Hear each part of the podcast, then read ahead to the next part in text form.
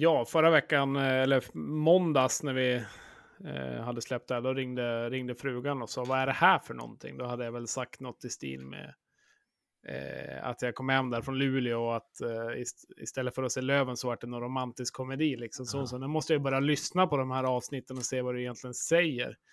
Eh, så att, jag kan väl börja med det och säga Hej Maria, hej Theo, hej Stella. Kul att ni, att ni lyssnar. Stella hade tagit in en kompis på rummet och nu ska vi lyssna på Radio 1970, supermåndag.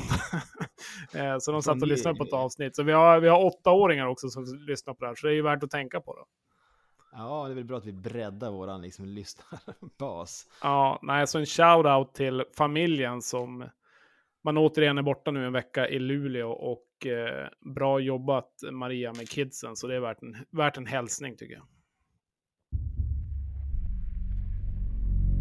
Good times, boys. Let's keep the fucking shit train rolling. Take it to the final destination.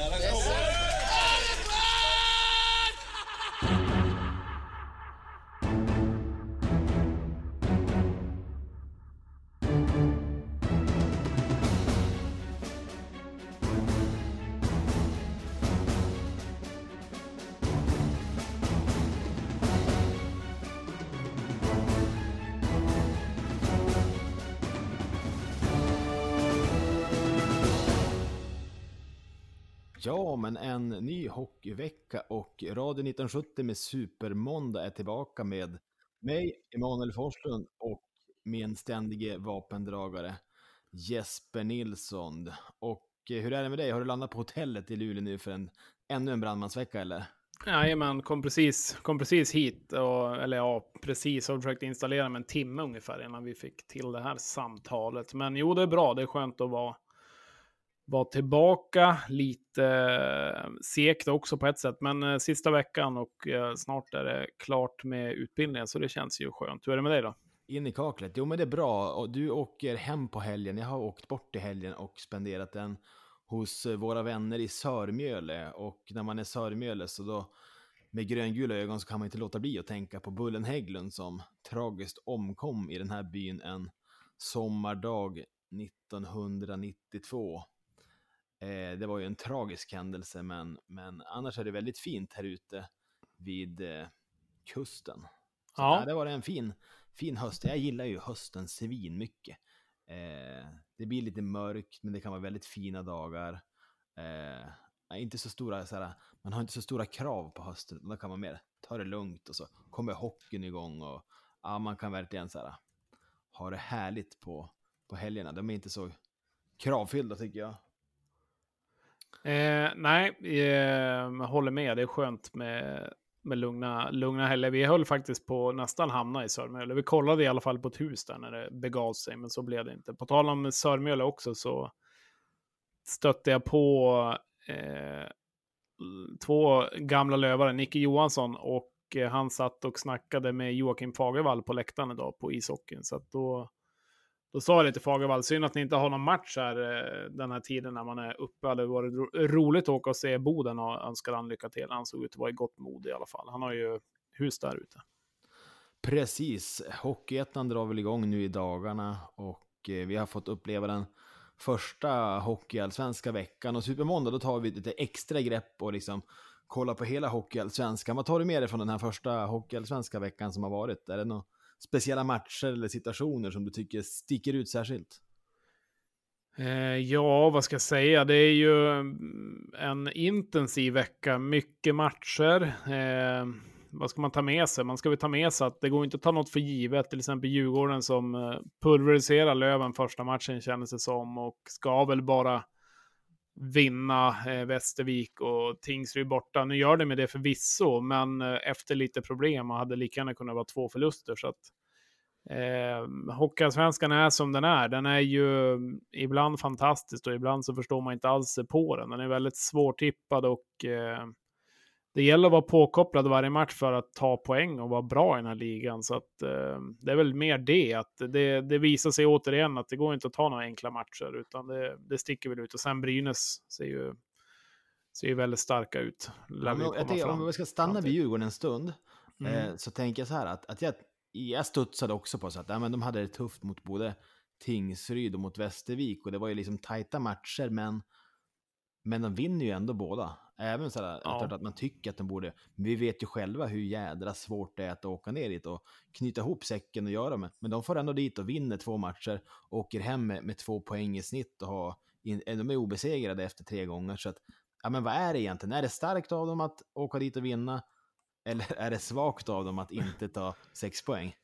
Ja, det är väl en kombination. Alltså, det är klart att ställer man lag mot lag och spelare mot spelare och så vidare och bara liksom skulle rada upp det på ett papper och du skulle liksom göra någon plus minus. Eh, liksom alla, vad får du för betyg på backar, forward, tränare och så vidare. Det, det, är klart att de ska vinna, men vi vet ju själv hur det är i den här ligan. Det är inte bara att vinna, men de, de vinner matcherna. Det är ju det det räknas som. Det är det som är det end of the day. De vann. Eh, sen att det var två istället för tre poäng, det är klart att det kan ju spela roll på sista raden när vi väl ska summera serien. Men eh, jag skulle gärna säga att det är ett underbetyg och inte kunna ta, ta en trea mot de här lagen.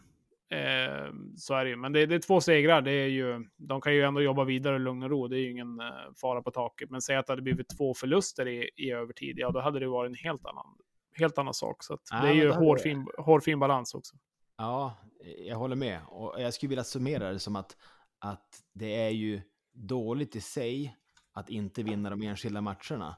Men båda matcherna sammantaget så är det ändå godkänt. Förstår du ja. vad jag menar? Ja, absolut. Säg att det hade varit förra året, när, när liksom det är första året för Djurgården att spela de här matcherna, då, är det, då hade det lika gärna kunnat bli två torskar där också. Så att de har väl ändå lärt sig någonting hur det är att möta de här lagen borta också. Så att det finns väl ändå någon form av rutin, rutin i det och ändå stänga igen säcken. Det är ändå två segrar, så att det är väl det man får summera det till. Ja, om vi ska stanna kvar i toppen av tabellen och i lite vinnande spår så tänker jag det du nämnde om Brynäs. De vann ju premiären mot AIK hemma. Mm. Och har sen följt upp det med två vinster mot eh, Västerås och nu senast en kross ut av Mora. Om vi stannar vid Brynäs-Västerås först så såg de ut att gå till en, en komfortabel seger där, men, men Västerås de ställde till det på slutet. Vad fick du till det från den matchen? Ja, nej, men till att börja med så Västerås gick ju ifrån till en 3-0-ledning, eller ja, Brynäs. Brynäs. till en 3-0-ledning. Tänkte att jaha, det här gick ju otroligt enkelt. Det var väl det första man tänkte på att eh, Brynäs har verkligen tryckt på knappen och de visar att de är, de är, de är här för att vända. Liksom. De har inte tänkt att, tänkt att vara så himla länge i Hockeyallsvenskan och sen när de ändå har en komfortabel ledning. Eh, såg lite grann av den matchen, mest highlights också, men det är ganska enkla mål eh, som släpps också från Brynäs där till, till kvitteringen. Men viktig seger om inte annat, för, eller viktig poäng för Västerås att kunna, kunna vända och ta en poäng där. Men Brynäs var ändå bra mycket bättre tycker jag i den matchen, så vinner ju ändå välförtjänt. Så det är starkt att åka bort till eh, ett kokande Västerås och, och vinna, det är inte enkelt. Mm. Och om man då ska möta de här liksom succélagen som vinner och vinner med ett lag som kanske går tyngre så kommer jag ihåg att jag, jag gästade ju Sverige ut-podden med ja, Erik Norin från Mora då han nämnde deras säsongsinledning. Han sa att det här är en grymt tuff inledning. Att de, de skulle börja med Södertälje hemma, som de förvisso vann. Men mm. sen dess så har de ju förlorat mot eh, Nybro hemma med 1-3. Och sen så åkte de ju på en 7-1 torsk i, i Gävle mot Brynäs och ska nu ner till Södertälje och spela nästa match. Tuff start för Mora, eller vad säger du?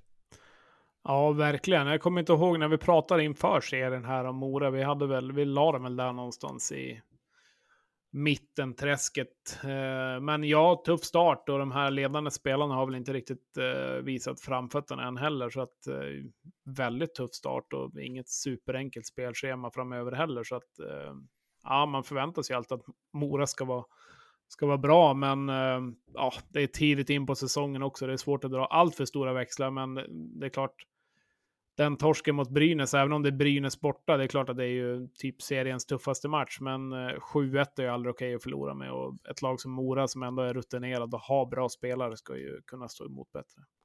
Ja, det är lite för stora siffror och eh, ja, men det blir intressant att se vart Brynäs tar vägen, för de har ju väldigt, även om de såklart tappar till 4-4 mot eh, Västerås, så imponerar de ändå i matchen och kanske slappnar av lite för mycket och därför kommer Västerås i kapp så det blir spännande att följa dem framöver och se vart det tar vägen. Mora ja. tänker att det borde ju stabilisera sig om de inte får någon slags stor panik. Nej, över den här men de, starten.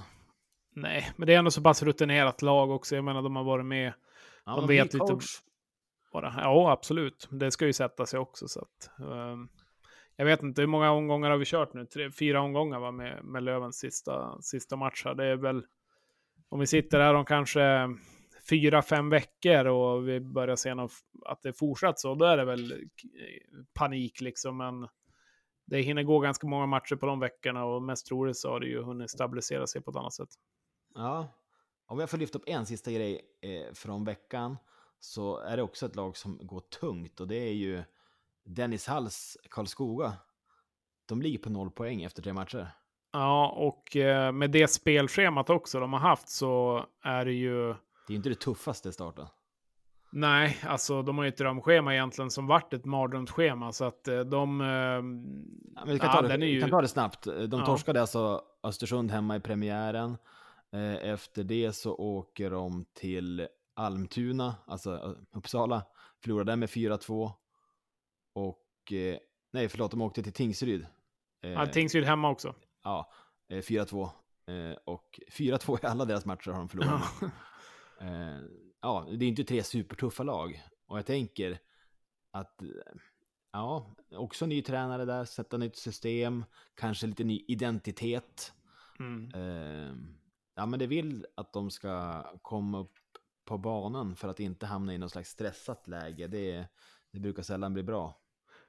Trodde ändå att det skulle, mm, alltså skulle ändå vara bättre. Alltså jag menar, Karlskoga ska ju ha ja, minst sex poäng mot Östersund hemma, Tingsryd, Tingsryd hemma och då Almtuna borta. Så det ska ju vara sex poäng alla dagar i veckan. Så att, eh, och Dennis Howell ändå som man, alltså det är svårt att säga så mycket om han så. Vi har inte sett matcherna så vansinnigt mycket, men de trodde ändå han skulle sätta en bättre start med det laget. Det, det kände jag ju. Men Karlskoga ville komma tillbaka till sin gamla Karlskoga hockey-identitet och så vidare. Jag lyssnade på på Ringside, de pratar lite grann om det där Daggen som har mycket insyn, att de vill liksom hitta tillbaka det spelet och du ska veta hur det är att möta Karlskoga, liksom alla grishockeyn och så vidare. Men det är också ett mm. ganska vettigt resonemang med att spelaren som kommer upp idag och så vidare också, det är ju mer lirare. Alltså, jag menar, man ser ungarna på gatan, de, de skjuter ju slagga typ när de är tre och liksom kan finta runt halva kvarteret när de är fem år gammal. Liksom. Så det är ju lirare som kommer fram i, i, dagens hockey. Det är ju inte de här hårt arbetade på det sättet. Så att eh, de spelarna är ju lite, lite utdöende typ också. Så det kan vara svårt att stå för det, det spelet. Eller vad säger du om det?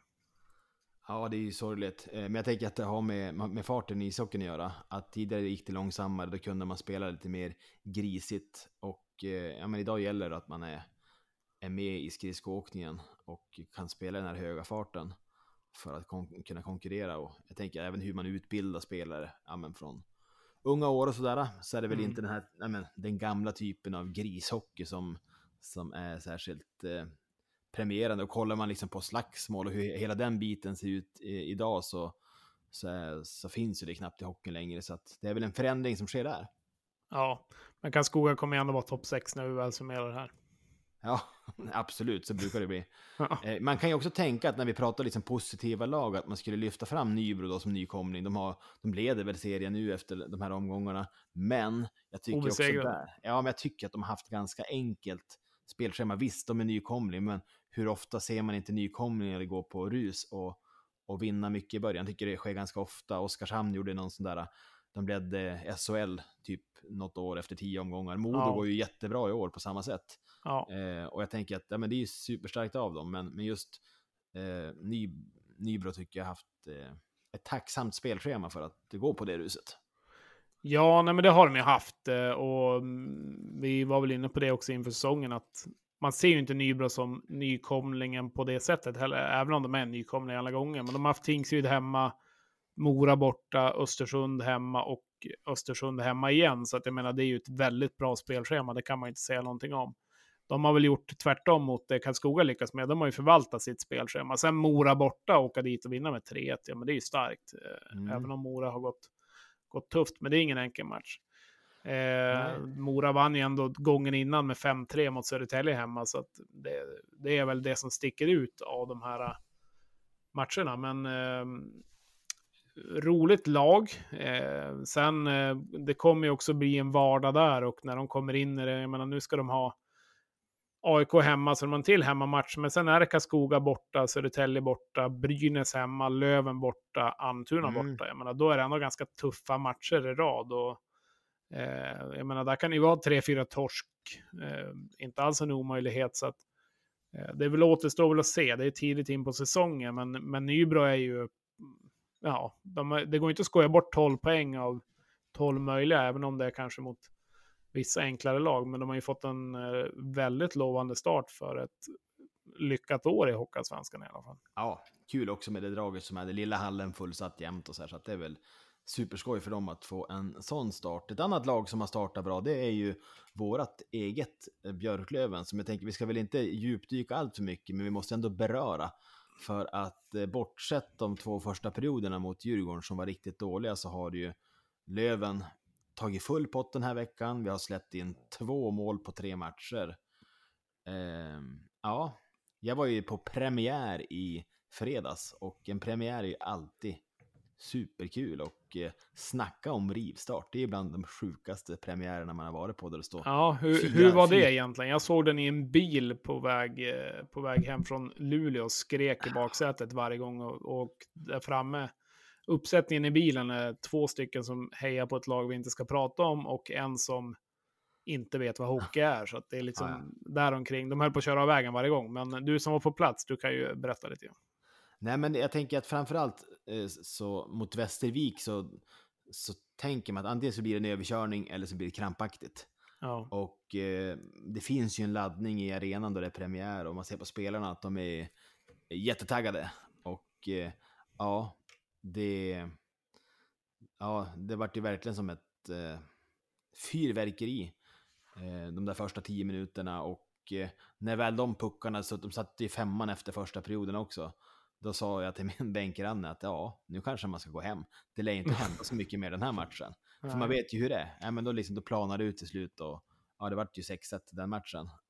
Um, men ändå så här, så himla skönt att bara få vara på en match som man vet att vi kommer vinna och eh, ja, men, säga hej till folket i korridorerna igen. Och, eh, ja, men det, ja, men det är ju en grej faktiskt när man går runt i hallen. Det, ja. det var ju samma för mig idag. Idag var det ju liksom premiär, även om jag inte såg hela matchen. Han bara se två när vi skulle dra till Luleå. Men just i den här matchen, man, man träffar på, alltså man har ändå byggt någon form av vänskap såklart med vissa och vissa är ju liksom, man, man träffas i korridoren och säger hej och sen är det inte mer med det. Men det är ändå mm. något speciellt att man säger att ja, men han är här och hon är där och så vidare och liksom alla är med i samma båt igen på något magiskt sätt. Trots alla motgångar och att vi aldrig går upp. Men det är ändå underbart att vara tillbaka på hallen och se glädjen hos folk. Ja, men det är så fint också. Jag gillar vår arena på det sättet att vi har två våningar. Det gör att varje liksom, sektion det blir inte så många människor på varje sektion, så man känner igen väldigt mycket av de, de personerna som man sitter nära och på raden och på raden nedanför så är det ungefär ganska precis samma människor som dyker upp där från år till år och, och ja, men det är, det är, det har något speciellt det där. Så att det är väldigt kul att det är igång. Eh, väldigt kul med två vinster och att eh, jag tycker imponerande blev även att, att bara liksom svepa eh, Västervik i två raka och verkligen ja, men nu fick Jona hålla nollan här andra matchen och det var väl, det var han väl värd. Ja, det skulle han ha gjort första matchen och egentligen matchen mot AIK också. Eh, det är mer slump att han inte gör det, men Eh, jag skrev det också på Twitter tidigare, eller tidigare ikväll, att jag tycker att jag är väldigt imponerad av Waterlinen. Eh, jag ska inte säga att jag var osäker på honom, men jag var väl inte sådär ah, ah, jag ser honom inte som ett monster direkt, att han är där och bara tar alla puckar, men jag tycker han ser mycket lugnare ut i målet. Han, eh, han är som rappare på något sätt, men hamnar inte ur situationer. Lättare att ta de här höga skotten som han haft lite problem med. Gör ju en monsterräddning idag på två mot etta också. Jag vet inte hur han lyckas ta den, men eh, han, ja, han ser grymt stabil ut, så att eh, väldigt kul att se att eh, har börjat så pass bra.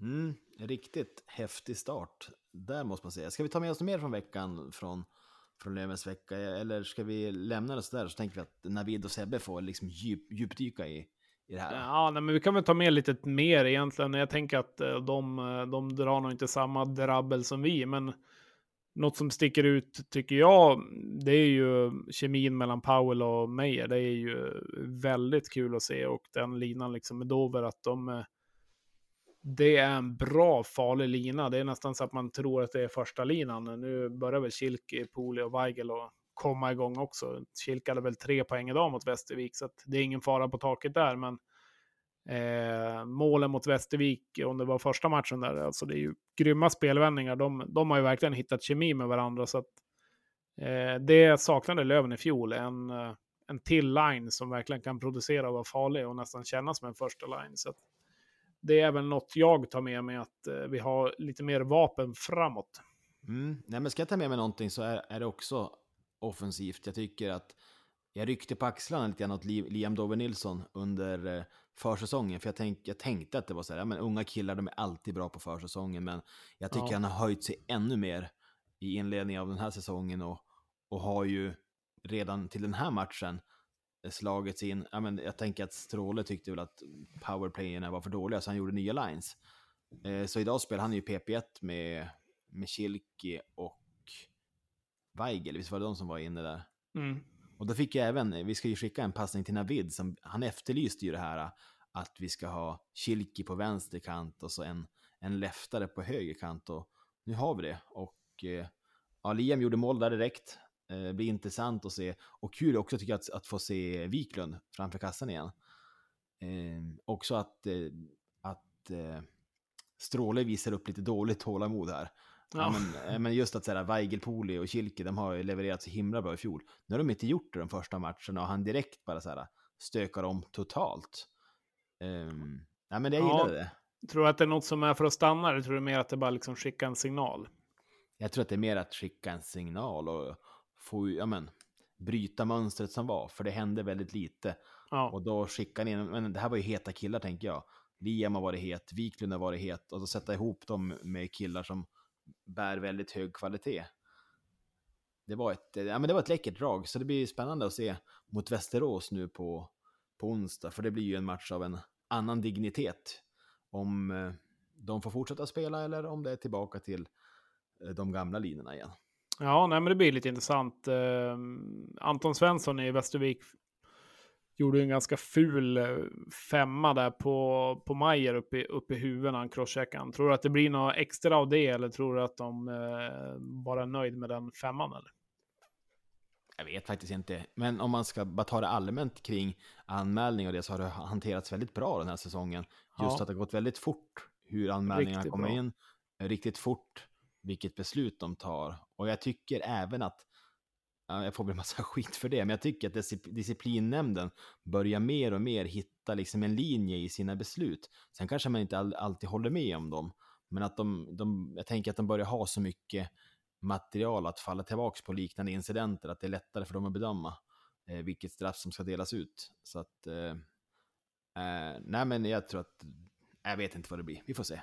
Ja, Eh, bara en till jag kom på och tänk, tänkte på. Någon som har fått en väldigt bra start som eh, kanske inte jätteoväntat, men eh, skönt. Det är ju Tex Willensson i Nybro har ju sett stark ut. Så att eh, där plus för dem eh, och få igång han tidigt. Ja men kul, han gick ju skadad väldigt mycket där i Modo sista säsongen, så att det var väl, det väl härligt för människan Tex att få, ja, få spela nej, hockey igen. Miljon Tex det är, nej, men det är en bra, bra spelare så att det är ju eh, ett bra nyförvärv också. Så att får de utväxling där så är det bara att tacka emot för Vikingarna. Yes, men du, ska vi ta och kila vidare och se vad som står på menyn den här veckan? Det kan vi göra. Ja, ja, ja, ja, ja. Och nu blir det mer reklam.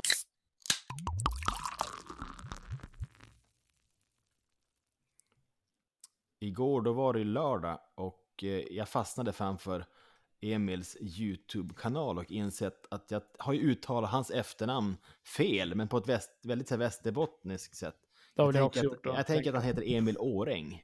Ja. För att men så uttalar man den i Västerbotten, men Åräng förstod jag att när han presenterade sig själv sa han Emil Åräng. Och ja, nej, men då, då är det Oräng vi kör på. Han har ja. en snygg keps där också, sett. Café Oräng. Så ja, har man inte sett det, det, de avsnitten, oavsett om det gäller drinkar eller inte, så är det otroligt underhållande. Så, så gå gärna in där och kika. Men eh, även den här veckan så har vi ett eh, samarbete eh, betalt tillsammans med Facit Bar och eh, det vankas eh, vad heter det, föreställning.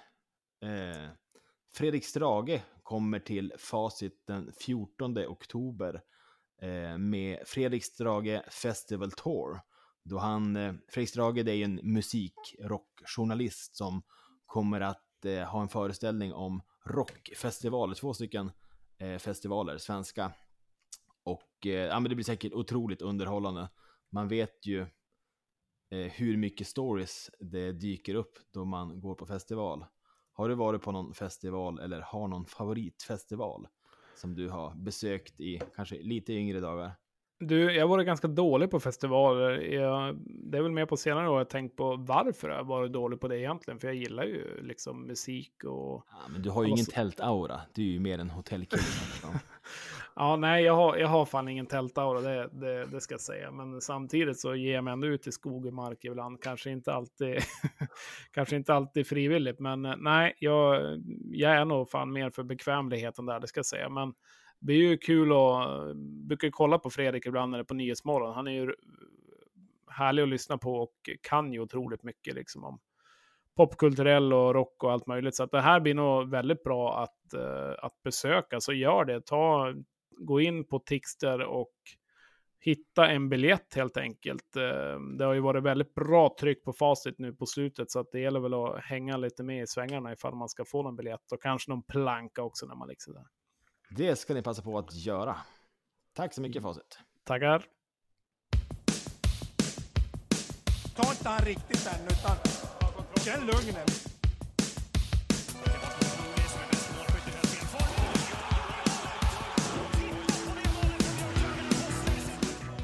Veckans grej.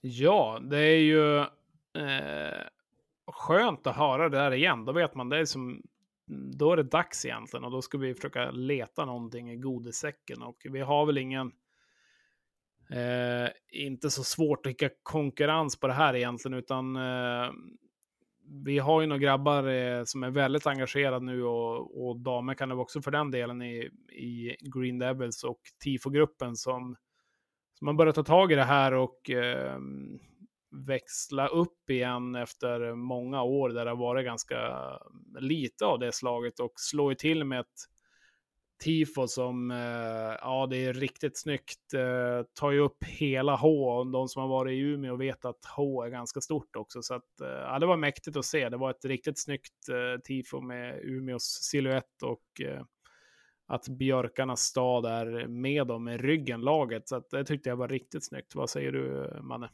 Ja, men verkligen. Det var som att, eh, att TIFO-gruppen återuppstod och verkligen levererade på hög nivå igen. Och som jag förstått det så har de även till den här säsongen fått tillgång till lite bättre lokaler och faciliteter, möjlighet att producera mer utav den här typen av tifon. Men jag som har varit i den branschen, höll jag på att säga, men i tifo-verksamheten vet att det kostar väldigt mycket pengar.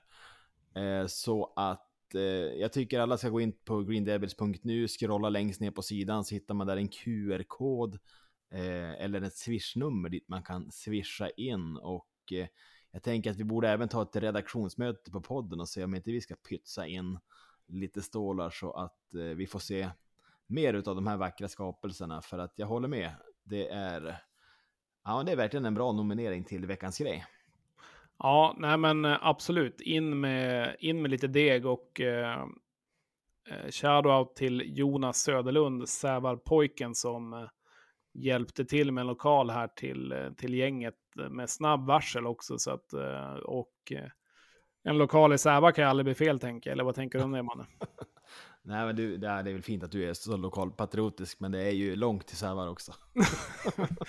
ja, men Tifo tog sig fram och det tog sig tillbaka. Nej, men riktigt snyggt. Och har man inte sett det så Hockeyallsvenskan har ju lagt ut och Löven också såklart. Eh, och även eh, Green Devils och alla möjliga i sina sociala medier. Så att in och kika på det oavsett om man liksom är lövare eller vad man är. Så att eh, man får tänka lite grann på att eh, alla som gör de här grejerna, oavsett vilket lag det är, alltså det är ju mer på frivillig basis. Det tar otroligt många timmar att göra det. Det, det är mycket jobb bakom och det kostar mycket pengar också. Men framförallt så tar det, tar det tid. Det är bara att tänka själv att sitter man själv kanske en fredagkväll och tar det lugnt i soffan så kanske någon annan som gör de grejerna för att, eh, för att få uppleva det i någon minut, några minuter. Det är mycket jobb för, för lite tid. Det är ibland som man lagar mat hemma också. Det liksom man tänker att nu har jag lagt fyra och en halv timme i köket ungefär och kokat sås och gjort gratäng och gjort allt möjligt. Sen är det uppätet på 20 minuter. Då var det tack med det. Så det är Mm. eh, mycket jobb bakom, så att, eh, bra jobbat. Fortsätt Nej. gärna med det. Jag måste ta en liten kort story från när vi startade upp tifo-verksamheten där någon gång i början på 2000-talet så hade vi ingen ekonomi. Men vi ville ändå göra konfetti-tifon.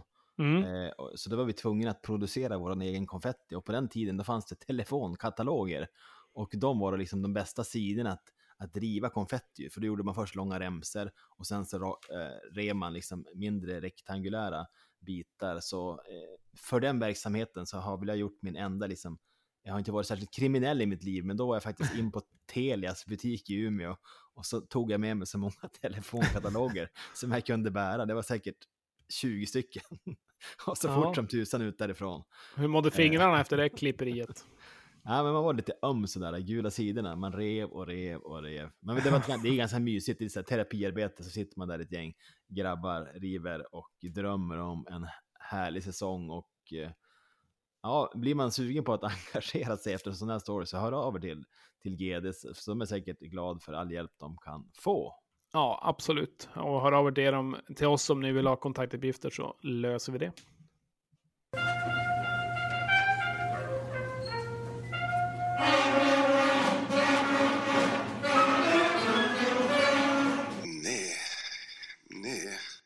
Tror faktiskt inte. Nej.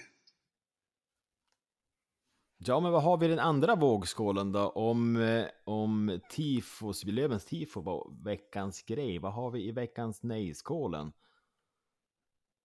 Ja, det ska du få veta. Eh, det är väl om, eh, det är väl kanske inte heller någon chock sådär, men man brukar väl säga att all reklam är bra reklam och eh, ibland så börjar man ju fundera på, stämmer det verkligen? Men ja, på något sätt så kanske det gör det. Men här vette tusan alltså. TV4, TV4 och TV4 Play då som där har ju haft, ja, inte någon rolig start egentligen när de kom över till till att sända ishockeymatcher. Och eh, det började väl med att det fanns inget bord i studion som man störde sig på. Det är väl en sån här bagatell. Men ehm, sen när vi kommer mer till det som ska fungera, sändningarna givetvis, har ju varit stora problem. Det har varit dålig bild, det har inte varit någon skottstatistik. Och, eh, ja, det är mycket som inte har fungerat helt enkelt. Och TV4 har ju själv gått ut med och sagt att det här var inte bra. Jag tänkte faktiskt att vi skulle ta med ta med programchefen. Eh, jag försökte leta upp lite kontaktuppgifter, men eh,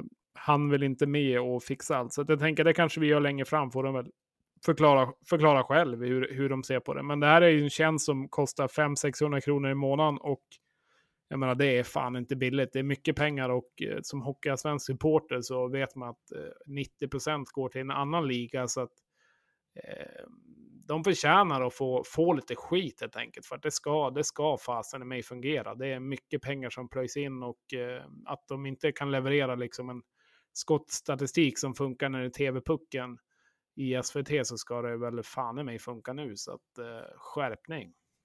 Ja, det där är för risigt alltså. Man har ju ledsnat och det var ju, har varit dåligt ända sedan försäsongen. Man kan inte begripa att det inte går att eh, producera bättre. För, alltså vadå? Eh, I fjol var det Simor som hade hand om det. Simor och TV4, det är ju för fasen samma sak. Ja. Det är ju liksom exakt samma eh, människor som gör det. Eh, jag fattar inte hur det kan bli sån skillnad. Eh, sen så är det att man vill inte ha ett studiebord, ja men det är väl lite skitsamma, men, men när sändningarna inte funkar, när klockan går fel och ja, det inte, inte finns utvisnings eh, så här, tid. Det fanns det fasen då LG Sport sände från Boden i division 1. Eh, ja. Ja. nej, det där får de ju ta och skärpa till sig med. Jag kan, det- och det måste de göra. Jag kan inte tänka mig något annat. Det där måste, det får de fixa helt enkelt. Annars Ja, kommer nej, men alltså- Varje vecka. Ja, och det som är problemet också att om du, om du ska leverera en produkt, alltså du vet ju bara själv i vilken, ja, vad det nu än må vara liksom, och börjar du fel, eh, så dels rätta till det och få tillbaka förtroende är ju inte enkelt, och sen kunna göra något som då överträffar Eh, alltså liksom vill de, vill de stå för någon produkt som överträffar vad Simon erbjuder, om de vill komma liksom upp på den nivån, ja, då får de fan med jobba. Alltså det, det är ju uppförsbacke så det står härliga ting. Så Ja. nu får de ju mest vill- försöka jobba för att hitta någon even Steven liksom mot, mot förra året, men det, det, bara det blir ju väldigt svårt. Ja, och så vill man också ha en produkt som är värd 550 spänn i månaden eller vad man nu pröjsar. Det är ganska mycket pengar. Betalar man så mycket då ska det också vara något bra. Så att, eh, nej men vi skickar väl kungen på dem och säger nej. Absolut. Jag tror faktiskt inte. Nej. Men du Jesper, du ringde upp en av våra juniorer va? Och hade ett litet samtal. Kan du berätta lite grann innan vi ringer upp han, eh, vad det ska handla om?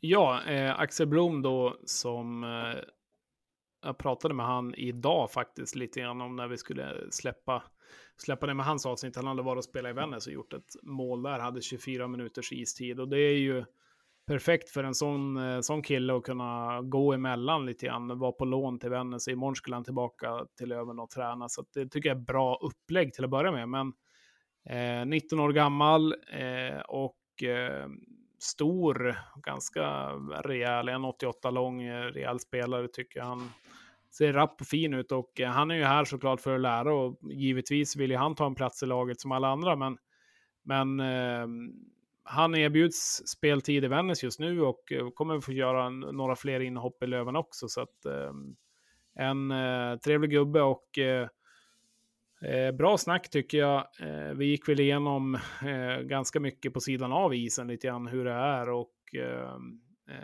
liksom att det är en presterande bransch och det är inte lätt alla gånger. Han berättar väl att det inte var superkul alla gånger förra året heller, men är tillbaka nu och hittar mer glädje och så vidare. Så att, eh, ett trevligt, trevligt samtal som inte bara fokuseras på själva hockeyn, som jag kan tycka är viktigt. Att det, det finns lite annat där bakom också.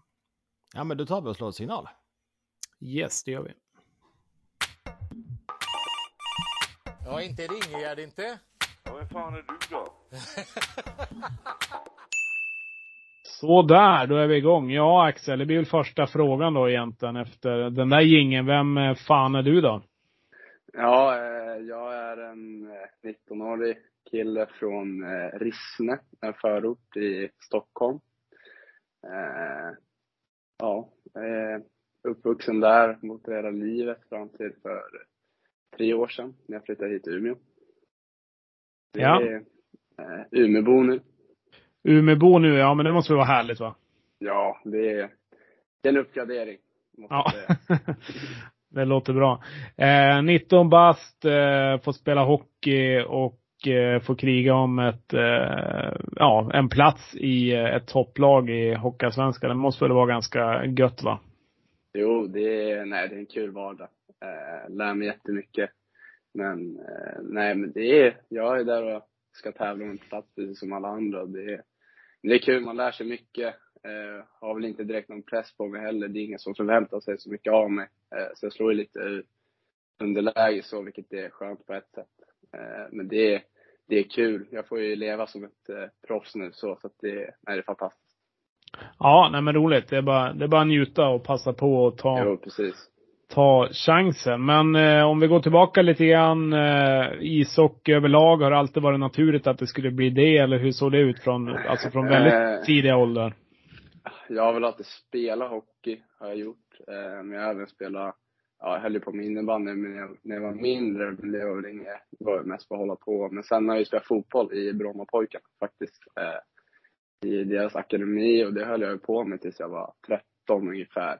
Men egentligen så har väl alltid hockeyn varit eh, det självklara när det väl liksom eh, kom till kritan att jag skulle välja någonting så var hockeyn ganska, ganska solklar. Vart det där klassiska valet där vid 13 års ålder och få... Jo, få... precis. Nej, men det var, eh, för det var ju ett satsande fotbollslag. Så att, och ett satsande hockeylag, så att det var ju liksom, Brommapojkarna ställer lite kravet och jag känner väl att ska jag spela fotboll så vill jag inte riktigt gå ner i nivå så. Eh, så att, eh, ja, men det blev hockeyn. Det var, det var roligast. Ja. Bra val. Eh, Inte inget fel på fotboll men. Men om man kollar eh, från, från tidig ålder, alltså när man, om man kör en liksom elite prospect på dig, jag går igenom där lite grann, så är det Täby, Yes. IFK Täby eh, från 18-19 och framåt lite grann. Hur, eh, hur upplevde du det, alltså U16 och den tiden, vad, vad allt som det innebär? Eh, ja, alltså jag hade en fantastisk tid i Täby. Eh, kom ju dit när jag var 13 från AIK. Eh, och spelade hela vägen upp till, ja, lite i 18 i slutet, men tills jag flyttade hit då. Eh, U16-året var väldigt kul. Eh, det var ju då jag blev klar för Björklöven. Eh, det var precis innan det så hade jag inte kommit med i TV-pucken och lite sådär. Eh, så det var, det var upp och ner, men det var prestationen själva U16-året var jättebra och jag hade ett fantastiskt U16-år. Ja. Eh, sen när det blev Björklöven, var det självklart att du skulle åka uppåt i landet eller hur gick eh, tankegångarna där? Eh, nej, det var det väl inte egentligen. Jag hade väl en del på bordet att välja mellan. Eh, och det kanske var lite större klubbar om man säger, lite mer eh, flashiga så att det är coolare att spela i. Men eh, Björklöven blev ju självklart eftersom att de trodde ju på mig tidigt, när vi, vi pratade tidigt. Eh, och eh, det var chansen att få spela mycket eh, redan första året i 18 och sådär. Eh, och sen ja, trodde de ju på mig eh, väldigt mycket så att eh, det, jag blev klar ganska tidigt, eh, gjorde det klart. Så det var, så det var väl självklart efter alla samtal så, men eh, det fanns annat också. Men i den rekryteringen, det är mycket det att man får, alltså att man får en tydlig roll och liksom får, får veta att du kommer få spela mycket och så vidare om du visar framfötterna? Eller vad, vad är det som satt spiken i kistan för dig, tycker du? Jo, men det är ju så. Eh, det går väl till så att man börjar prata lite. Eh, jag var här uppe och kolla på stan, fick träna lite med I18-truppen då, eh, känna på lite liksom hur föreningen fungerar och sådär. Eh, och så har man ju lite snack och så. Jag hade ju faktiskt snack, jag spelade SIF-laget i TV-pucken i Östersund. Då pratade jag med Jan Löfgren som hade hand om rekryteringen då. Eh, och han var ju väldigt tydlig med att du vi ser en stor spelare i dig i framtiden eh, och därför kommer du att spela på chansen eh, från början. Liksom så. Eh, och det var väl egentligen spiken i kistan, man skulle få spela mycket på en bra nivå. Så. Eh, det är en sak att säga någonting och det är en annan sak att göra det. Tycker du att eh, de förväntningarna upp, eh, alltså att det, att, att det har blivit så för dig också? Nu såklart har du kommit upp till, till A-laget, men tycker du att om man kollar J18, J20 och så vidare, att du har fått, fått den chansen du, du varit lovad att få? Eh, absolut. Ja, första året i J18 så fick jag ju uppe några matcher i, eh, J20 och sådär.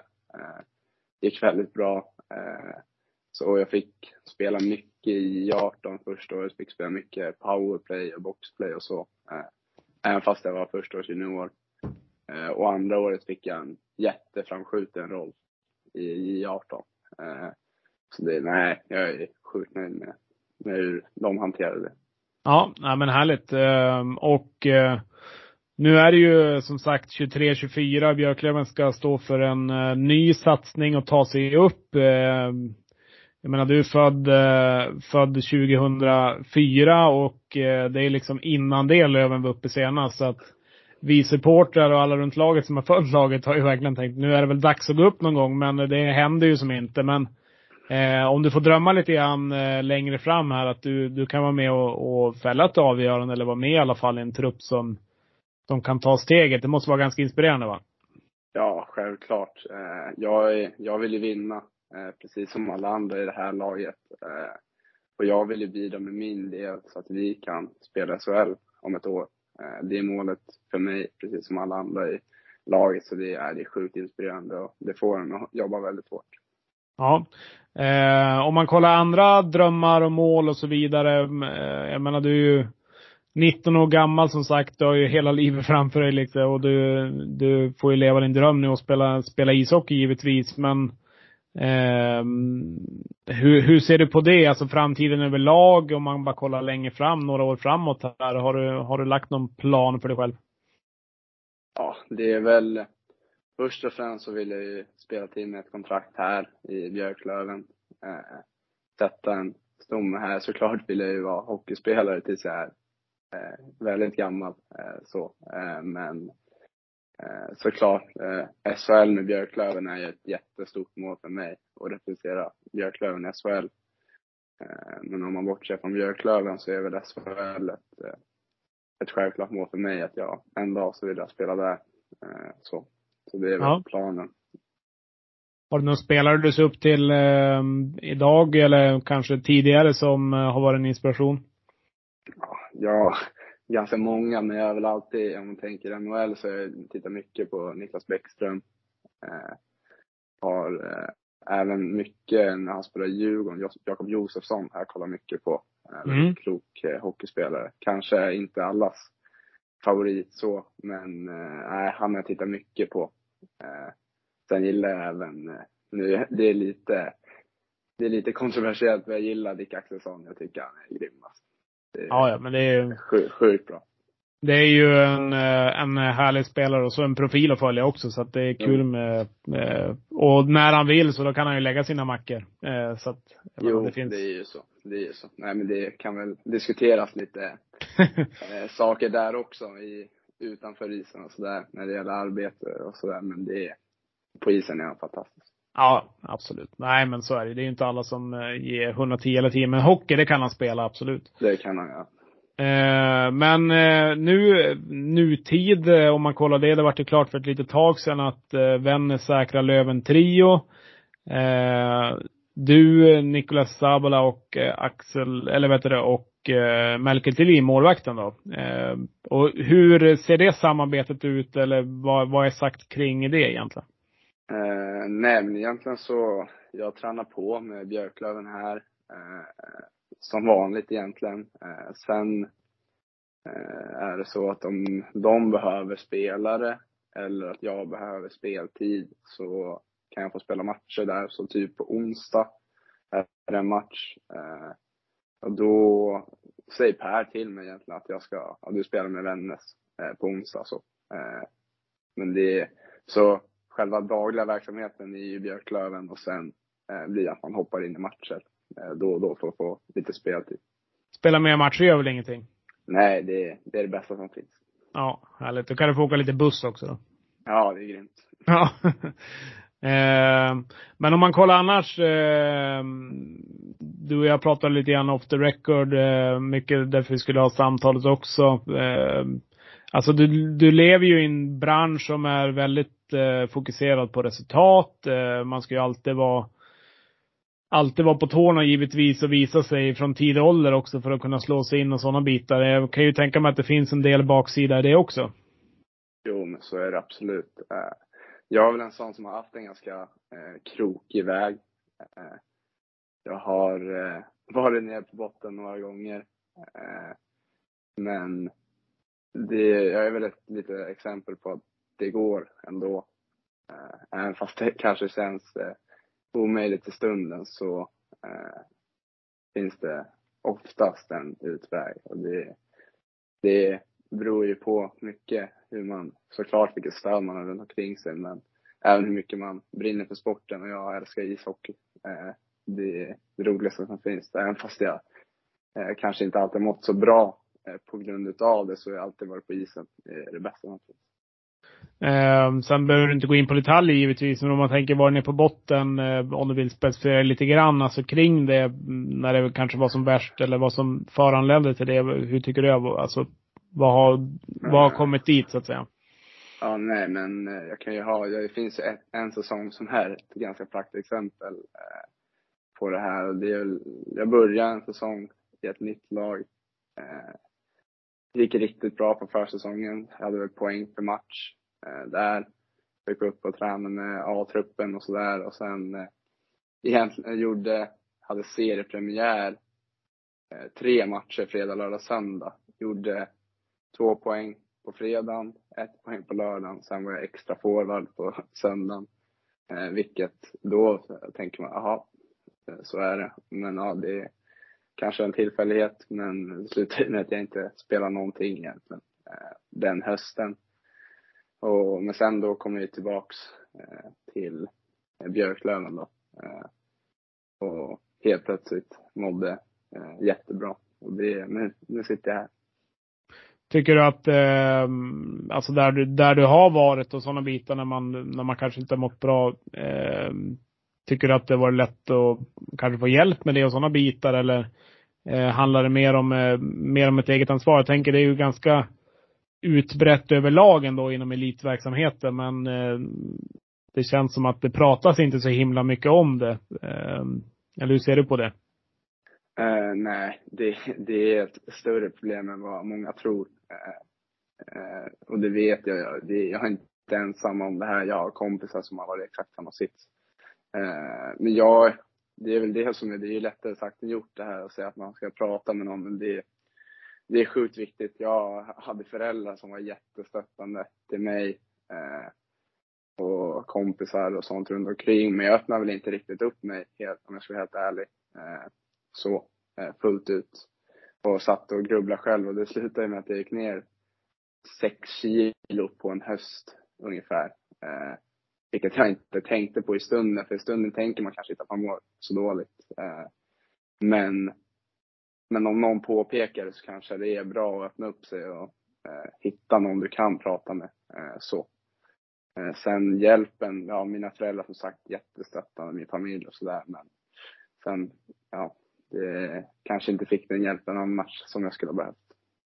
Nej, men jag tror också eh, liksom just det med ja, krishantering eller vad det nu kan vara, alltså oavsett hur man mår så kunna prata om det är ju ett jättebra första steg att få hjälp med det givetvis och sen kunna inspirera andra som, eh, som kanske inte mår 100 procent heller så att det är ju väldigt få där ute som är på sin topp hela tiden men det är väldigt få som pratar om det så jag tycker det är tycker det är super att, eh, att det gör det. Så att det, det tror jag är väldigt viktigt just att kunna, kunna snacka om det och kunna gå vidare. Jo, absolut. Nej, det, det är sjukt viktigt. Det börjar väl bli bättre måste man ju säga, att folk börjar prata mer om det. Mm. Eh, men det är alldeles eh, för lite. Alltså det, det kommer ju ut spelare hela tiden. Jag tror Oliver Shillington hade väl någonting nu tror jag när han kom ut. Sa att han, han hade ju inte spelat på grund av mental hälsa i hela för, under hela förra säsongen eh, och så. Eh, och jag tror att det är inte, han är inte heller ensam. Det är nog ganska många som gör det. Och det behöver inte vara att du inte spelar. Det kan ju vara att du spelar vidare med det också. Eh, ja, precis. Det, nej, så jag tror det, det är väldigt viktigt att det tas upp. För det är många, och det handlar inte bara om idrott. Det är generellt väldigt många som mår dåligt och man ska inte, man ska ta det seriöst. För det är som sagt, jag, jag tappade sex kilo på på en höst och nu när jag mådde bra så har jag gått upp 12 typ sen dess. Så att det, eh, ja, det säger, säger ganska mycket. Och då har, du, då har du nästan varit utan mammas mat också? Ja, precis. Jag har ju bott själv så att det, eh, nej precis. Så det, ja, nej, det, man måste ta det seriöst. Det, eh, det är ett stort problem. Ja, eh, men härligt att du, du mår bättre och eh, då är det lättare att fokusera på, på isen och livet överlag också. Eh, men känner du att, eh, att du har fått mer än några verktyg och så sen när du har mått lite sämre eller har du bara liksom kunnat, kunnat lösa det själv med lite familj och vänner och så? Eller känner du att du kan hantera det bättre nu? Till exempel om det blir en utlåning eller sådana bitar, det som kommer framöver. Eh, ja, det är klart eh, man lär sig av allt eh, man går igenom så. Eh, och det är klart att jag skulle hamna i en likadan situation nu så skulle jag absolut prata mer om det med dem runt omkring mig. så. Sen är jag jättetacksam till hur Björklöven har hjälpt mig också. Elias Koiter, Oskar Hägglund i juniorverksamheten och även jag har pratat med Viktor Stråle om det här också. Mm. de har varit jätte, jättestöttande och förstått mig Eh, så gett mig den tid jag eh, behövde. Eh, för det var inte guld och gröna skogar när jag kom tillbaks eh, till Björklöven bara för att jag gick ju ner en nivå eh, i serien. Men det gick, prestationen var bra men jag gjorde inte poäng, eh, sådana där saker i början för jag var inte där i huvudet egentligen. Men sen efter jul så, ja, de pushade mig hela tiden och då var det bara push, push, push och liksom så hjälpte mig hela tiden och efter jul så eh, då släppte allt egentligen. Eh, och, ja, nej, så jag är jättetacksam till hur Björklöven har hanterat det här också.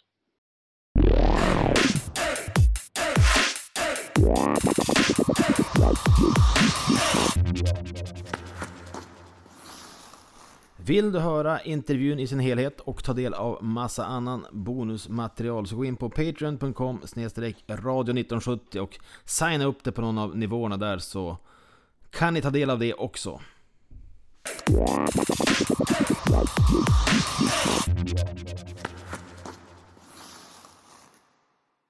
Ja men vi säger tack så mycket för det.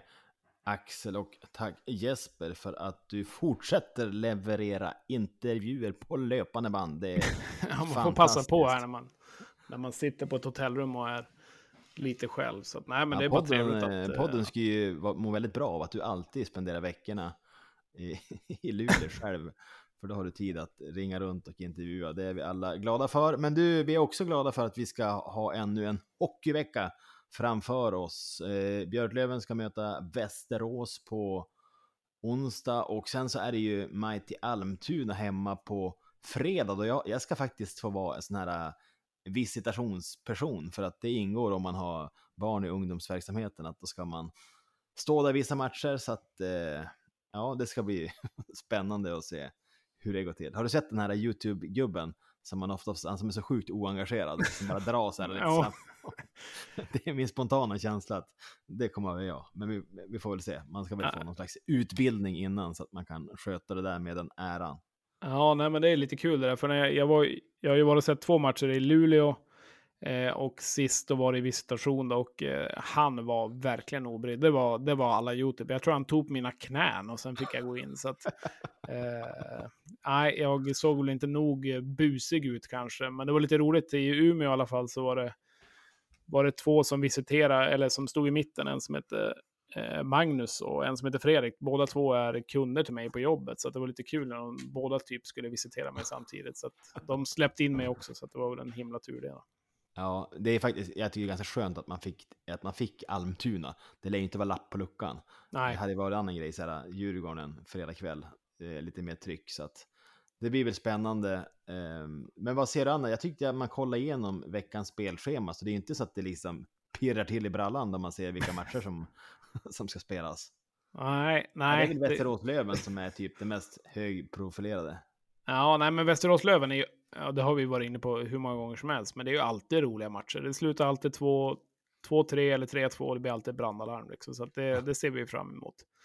Eh, så det blir, det blir spännande och eh, det blir kul att se där hur Löven nu ändå när de har haft lite enklare då mot Västervik gånger två, AIK borta ser jag inte som en enkel match, deras premiär, men hur de tar sig an Västerås eh, som kommer gå stenhårt givetvis eh, och eh, vilja ta Löven med, med alla medel, så det blir intressant att se hur Löven eh, hur Löven står sig där, liksom om, om spelet bara kan fortsätta och de kan ta en hyfsat komfortabel seger eller vart, vart det blir. Jag tror inte det kommer bli så, men eh, se om det är ett topplagsbeteende redan nu från, från Löven. Det, ja, det tycker jag blir intressant att se. Ja, det ligger något i det där.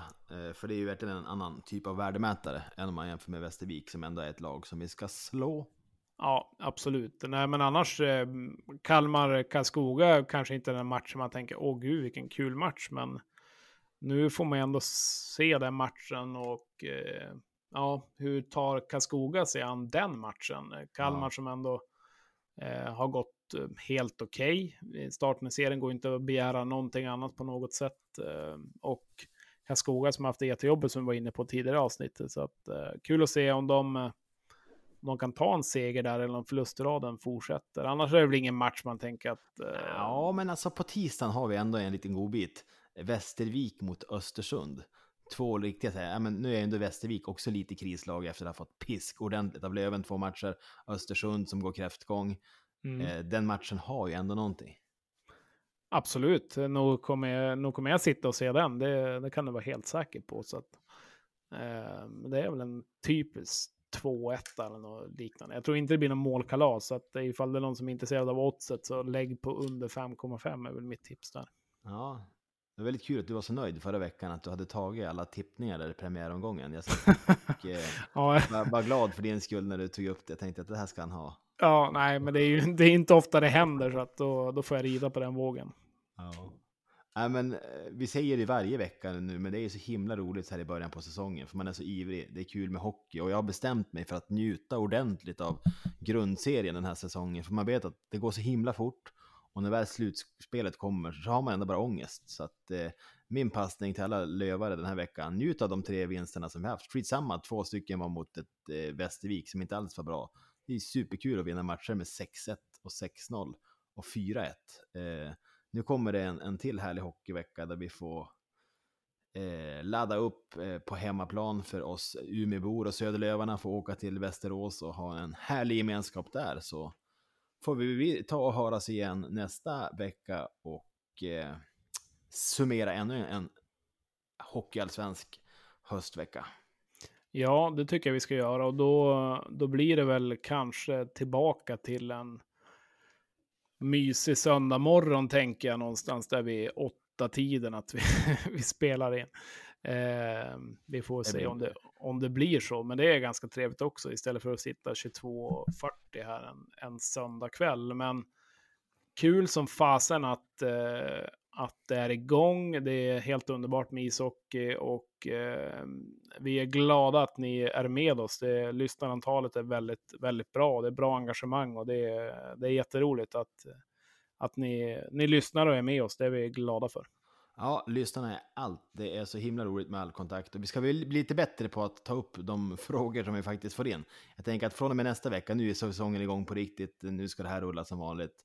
Så att vi öppnar väl någon slags frågelåda där framåt helgen, så ska vi se till att beta av det lite bättre. Ja, men jag, jag tänker att vi kanske ska ha det som ett segment mer framåt. Nu, nu blir det inte lika rörigt heller. Vi är kanske tillbaka på hemmaplan och det är bättre internet och så vidare också. Så det blir lättare att lägga upp saker och ting, skulle jag gissa. Ja. Vi måste också hitta på en egen slut-catchphrase. Vi kan inte leva på Sebbes ha det gött hur länge som helst. Det känns, det känns som att man spelar en cover varje gång här på slutet. Så har du någon avslutningsfras här som du kan... Vad säger man när man är brandman? Då man så här, är det over and out eller vad säger man egentligen? Ja, man säger väl egentligen slutkom eller det beror på en som börjar samtalet vid, oh, via kommunikationssystemet. Det... Men man eh, brukar ju säga när man ska gå in och rökdyka så säger man ju slang in. Och jag tänker att nu när vi stänger ut det här och eh, man ska gå ut från rökdykning så säger man ju slang ut. Så att det får väl avsluta.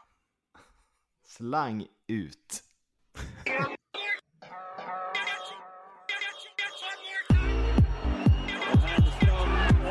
Nationals